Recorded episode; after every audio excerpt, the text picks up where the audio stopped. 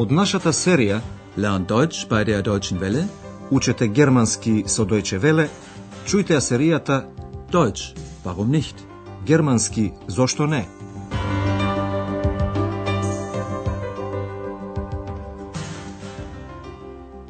Liebe Hörerinnen und Hörer, Драги слушателки и слушатели, денес ќе слушнете 25-тата лекција од четвртата серија. Во минатата емисија Андреас шеташе низ тврдината Вартпуак заедно со една туристичка група. Таму ја посети собата на Мартин Лутер, кој во тврдината Вартпург го преведувал новиот завет. Слушнете го овој дел уште еднаш и внимавајте на релативната реченица. Das hier ist also das Zimmer von Luther. Und hier ist der Tisch, an dem Luther arbeitete. Sie wissen ja, hier übersetzte er das Neue Testament. Во последните две емисии ќе зборуваме за нешто сосема поинакво. Сигурно се сеќавате дека доктор Тюаман се занимава со алтернативна медицина, односно лекување со билки. Тој размислувал дали би можел да ја направи видлива екс, невидливиот коболт. Тој пронајде едно необично растение, едно синот цвеќе. Така се вика и нашата денешна емисија. Синиот цвет. Die blaue Blume.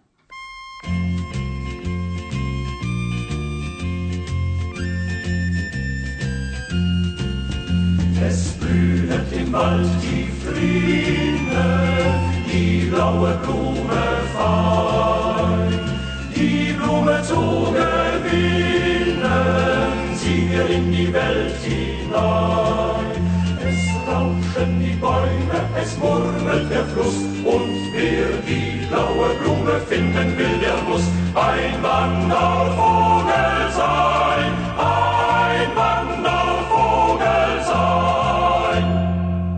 Синиот цвет играл важна улога во еден роман од времето на романтизмот. Тој бил символ на потрагата по самиот себе.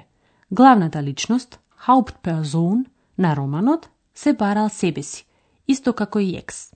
Андреас ве поканува заедно со Екс и доктор Тюеман да го пронајдете синиот цвет од приказната.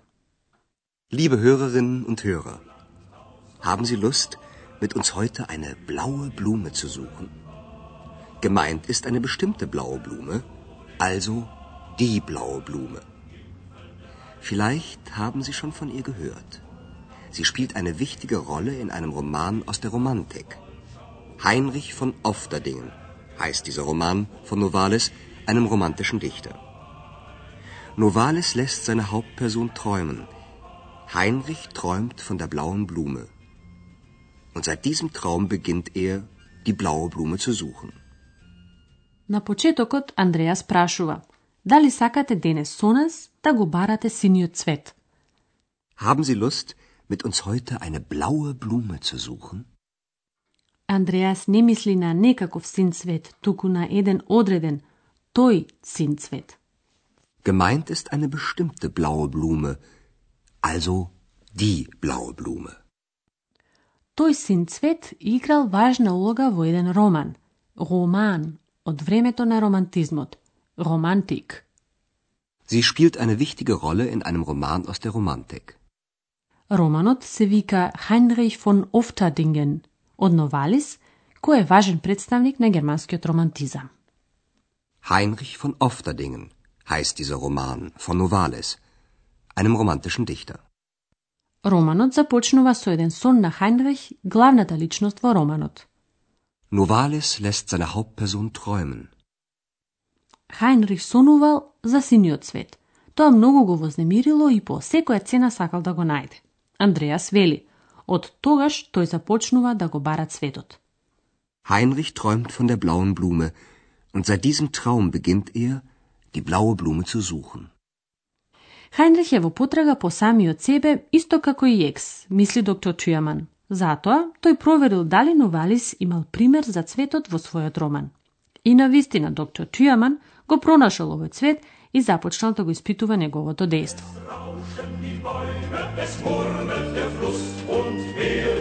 Blaue Blume finden will, der muss ein Wandervogel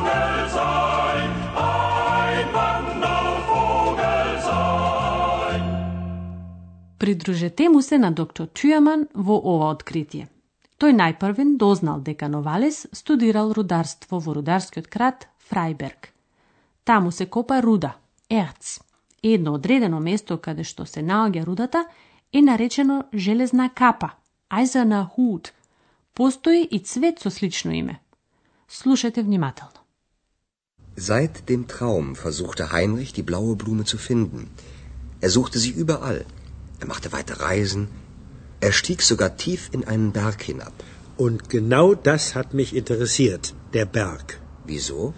Novalis studierte doch Bergbau, also kannte er die Berge und ihr Inneres. Nun bitte ich Sie genau zuzuhören. Eine bestimmte Stelle im Berg, wo es Erz gibt, nennt man eiserner Hut. Fällt Ihnen dazu etwas ein? Hm. Hm. Nein.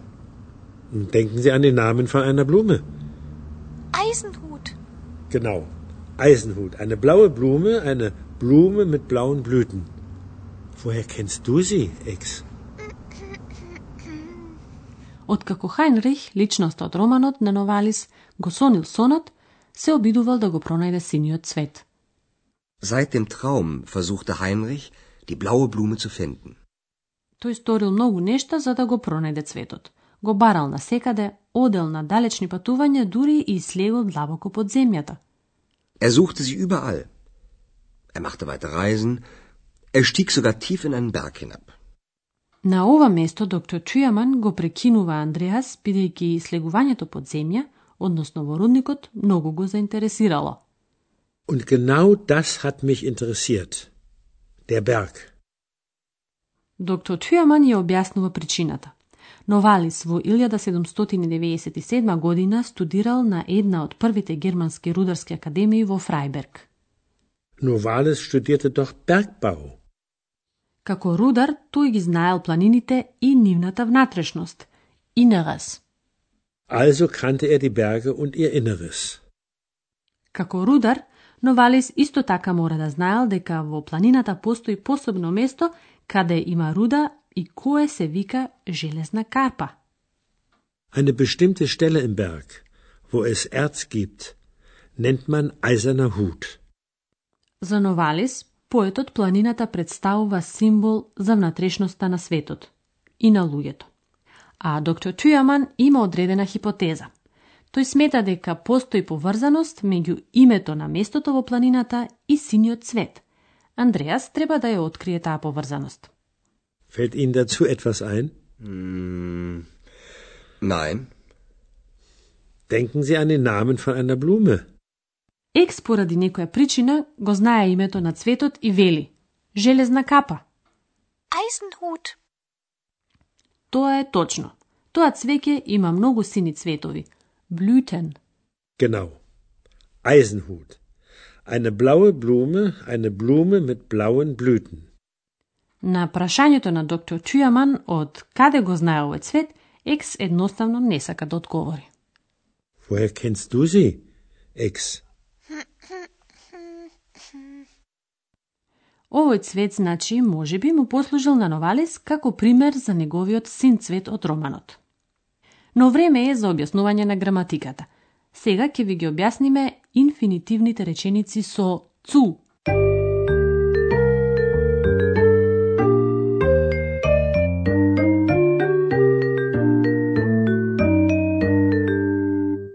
Инфинитивните реченици со цу се зависни реченици. Овие зависни реченици зависат од глаголот во главната реченица. Тоа се глаголи на кои им е потребен додаток за реченицата да биде целосна. Слушнете еден пример со глаголот се обидува. Versuchen. Heinrich versuchte, die blaue Blume zu finden. Глаголот во зависната реченица стои на крајот од реченицата. Пред глаголот мора да стои частицата цу. Слушнете еден пример со глаголот почнува. Beginnen. Heinrich beginnt, die blaue Blume zu suchen. Еден од додатоците на глаголот во главната реченица мора да биде ист со додатокот за номинатив, значи со субјектот во зависната реченица. Слушнете го уште еднаш последниот пример. Додатокот за номинатив во главната и зависната реченица е идентичен. Тоа е Хайнрих. Heinrich sucht die blaue Blume. Heinrich beginnt, die blaue Blume zu suchen.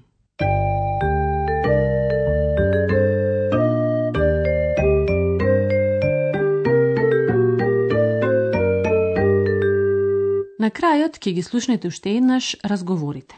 Седнете удобно и слушајте внимателно.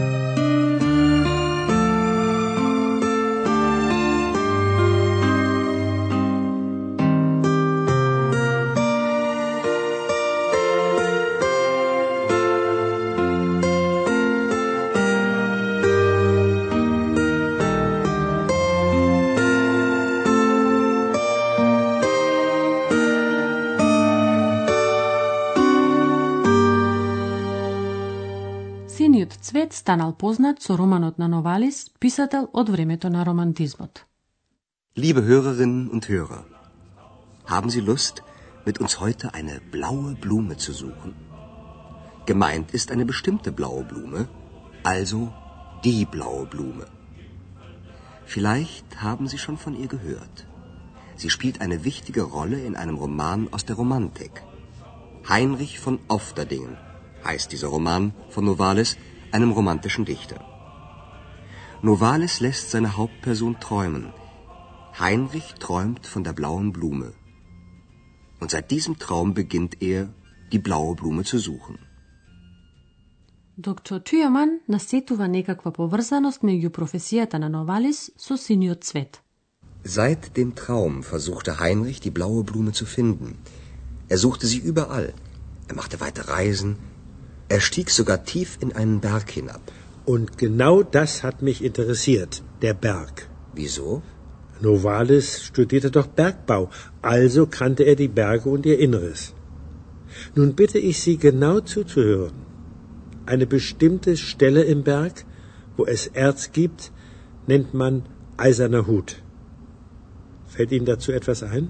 Hm. Nein. Denken Sie an den Namen von einer Blume. Eisenhut. Genau. Eisenhut. Eine blaue Blume, eine Blume mit blauen Blüten. Woher kennst du sie, Ex?